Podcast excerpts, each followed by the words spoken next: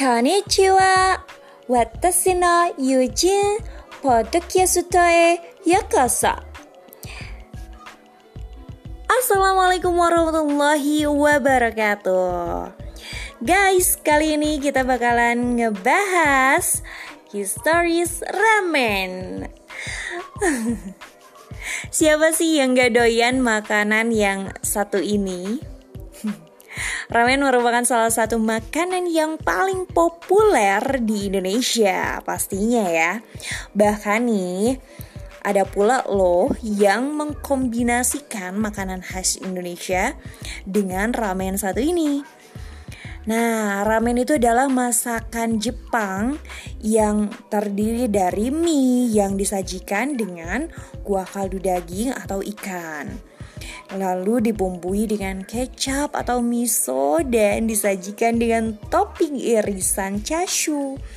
Uh, casu itu adalah babi ya, tapi kalau yang halal itu biasanya diganti dengan ayam atau lebih amannya sih dengan ikan ya. Lalu diberi rumput laut juga uh, atau nori, lalu ada menma dan daun bawang. Tapi pernah gak sih guys kamu terlintas pertanyaan kayak kok bisa ya manusia membuat ramen kayak gini? gitu kan. Terus asalnya dari mana?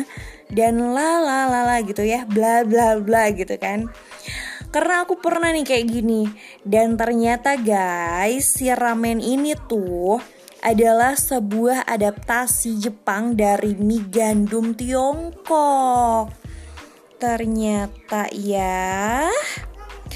Nah, ramen pertama kali uh, diperkenalkan di Jepang oleh migran Tiongkok pada akhir abad ke-19 atau lebih tepatnya awal abad ke-20.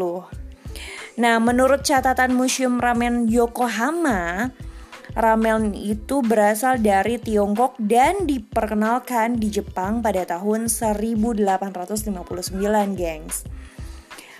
Versi awalnya sih dari ramen adalah uh, mie gandum dalam kaldu dengan daging babi panggang ala Tiongkok.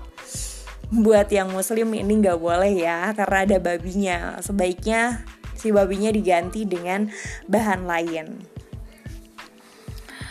Nah, dalam bahasa Mandarin nih, si ramen itu berasal dari kata lamian.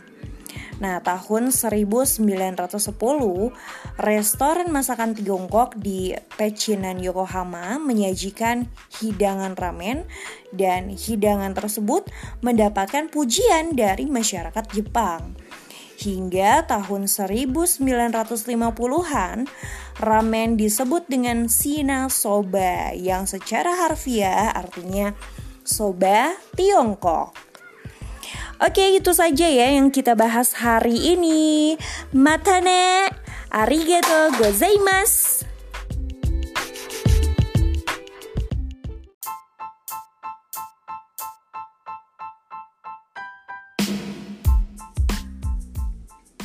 Konnichiwa, watashi no Yujin. Assalamualaikum warahmatullahi wabarakatuh. Guys, ini adalah podcast pertamaku. Sebelum aku bahas sesuatu di podcastku ini, nggak ada salahnya dong kalau kita kenalan dulu. Karena nih, konon nggak kenal maka tak ya taaruf lah ya. Oke, okay, aku Yusni Yusling yang bakalan nemenin kamu sambil membuka wawasan tentang makanan tradisional Jepang. Gak hanya tradisional Jepang aja sih, Korea dan lain sebagainya nanti kita bakal bahas juga ya. Nah, secara umum uh, masakan Jepang tradisional itu dikatakan merupakan makanan yang menyehatkan ya Kenapa? Karena uh, cukup protein juga, terus relatif rendah kalori dan mengandung zat-zat gizi yang penting. Pada prinsipnya sih makanan Jepang tidak terlalu banyak bumbu ya dan nggak banyak makan waktu itu loh yang paling penting. Salah satunya nih adalah makanan yang paling populer di seluruh dunia. Apa sih? Penasaran kan? Ini dia sushi. Semua orang uh, udah pastilah tahu dengan makanan yang satu ini. Karena sushi ini adalah makanan yang paling populer di seluruh dunia, bahkan menjadi makanan populer saat ini. Di negara selain Jepang, sushi berkembang secara unik di mana menunjukkan budaya makanan negara tersendiri. Seperti sushi dengan avocado, uh, udang, ikan gitu kan. Terus ada chicken juga. Saat ini di luar negeri pun bahkan di Indonesia sekalipun nih, sushi sudah dapat dinikmati dengan sangat mudah uh, di sushi bar, terus di restoran Jepang lainnya dan masih banyak lagi gitu. Bahkan di pinggiran pun ada gitu ya.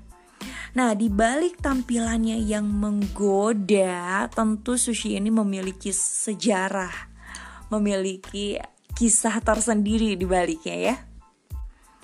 Nah ternyata oh ternyata si sushi ini itu tuh asalnya makanan yang diawetkan sama sih ya kayak kimchi mungkin ya makanan yang diawetkan seperti itu.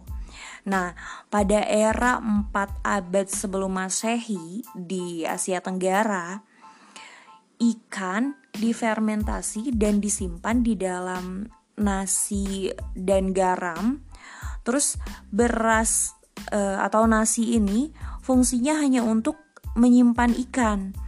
Jadi nasi yang ada di dalamnya itu dibuang tanpa dimakan bersamaan dengan ikan tersebut.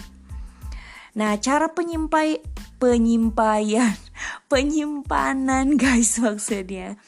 Cara penyimpanan seperti ini tuh sampailah ke Jepang lalu pada zaman Heian mereka memakan sushi sebagai nare sushi.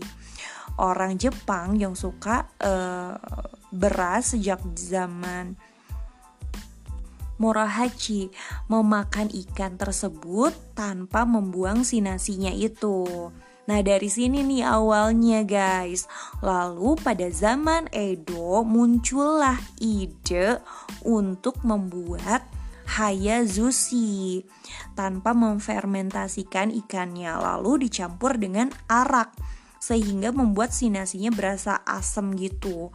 Nah kalau zaman sekarang kan uh, udah nggak sama arak ya, tapi bisa sama cuka. Tapi cuka pun itu ada yang uh, haramnya ya. Kalau di Indonesia itu bisa kita ganti si cuka ini dengan cuka uh, biasa yang halal lah, yang lebih aman lah untuk dimakan oleh orang Muslim tentunya. Wah, jadi ternyata sushi itu pada asalnya memang nggak nggak nggak direkomendasikan lah ya lebih tepatnya untuk orang muslim karena memakai arak jadi nggak boleh loh hati-hati ya Tetap ya harus perhatikan logo halalnya sebelum mengkonsumsi makanan apa pun termasuk sushi ini. Hai, itu aja ya yang aku share ke kamu di podcast pertamaku ini. Mata deh. Wassalamualaikum warahmatullahi wabarakatuh. Bye bye.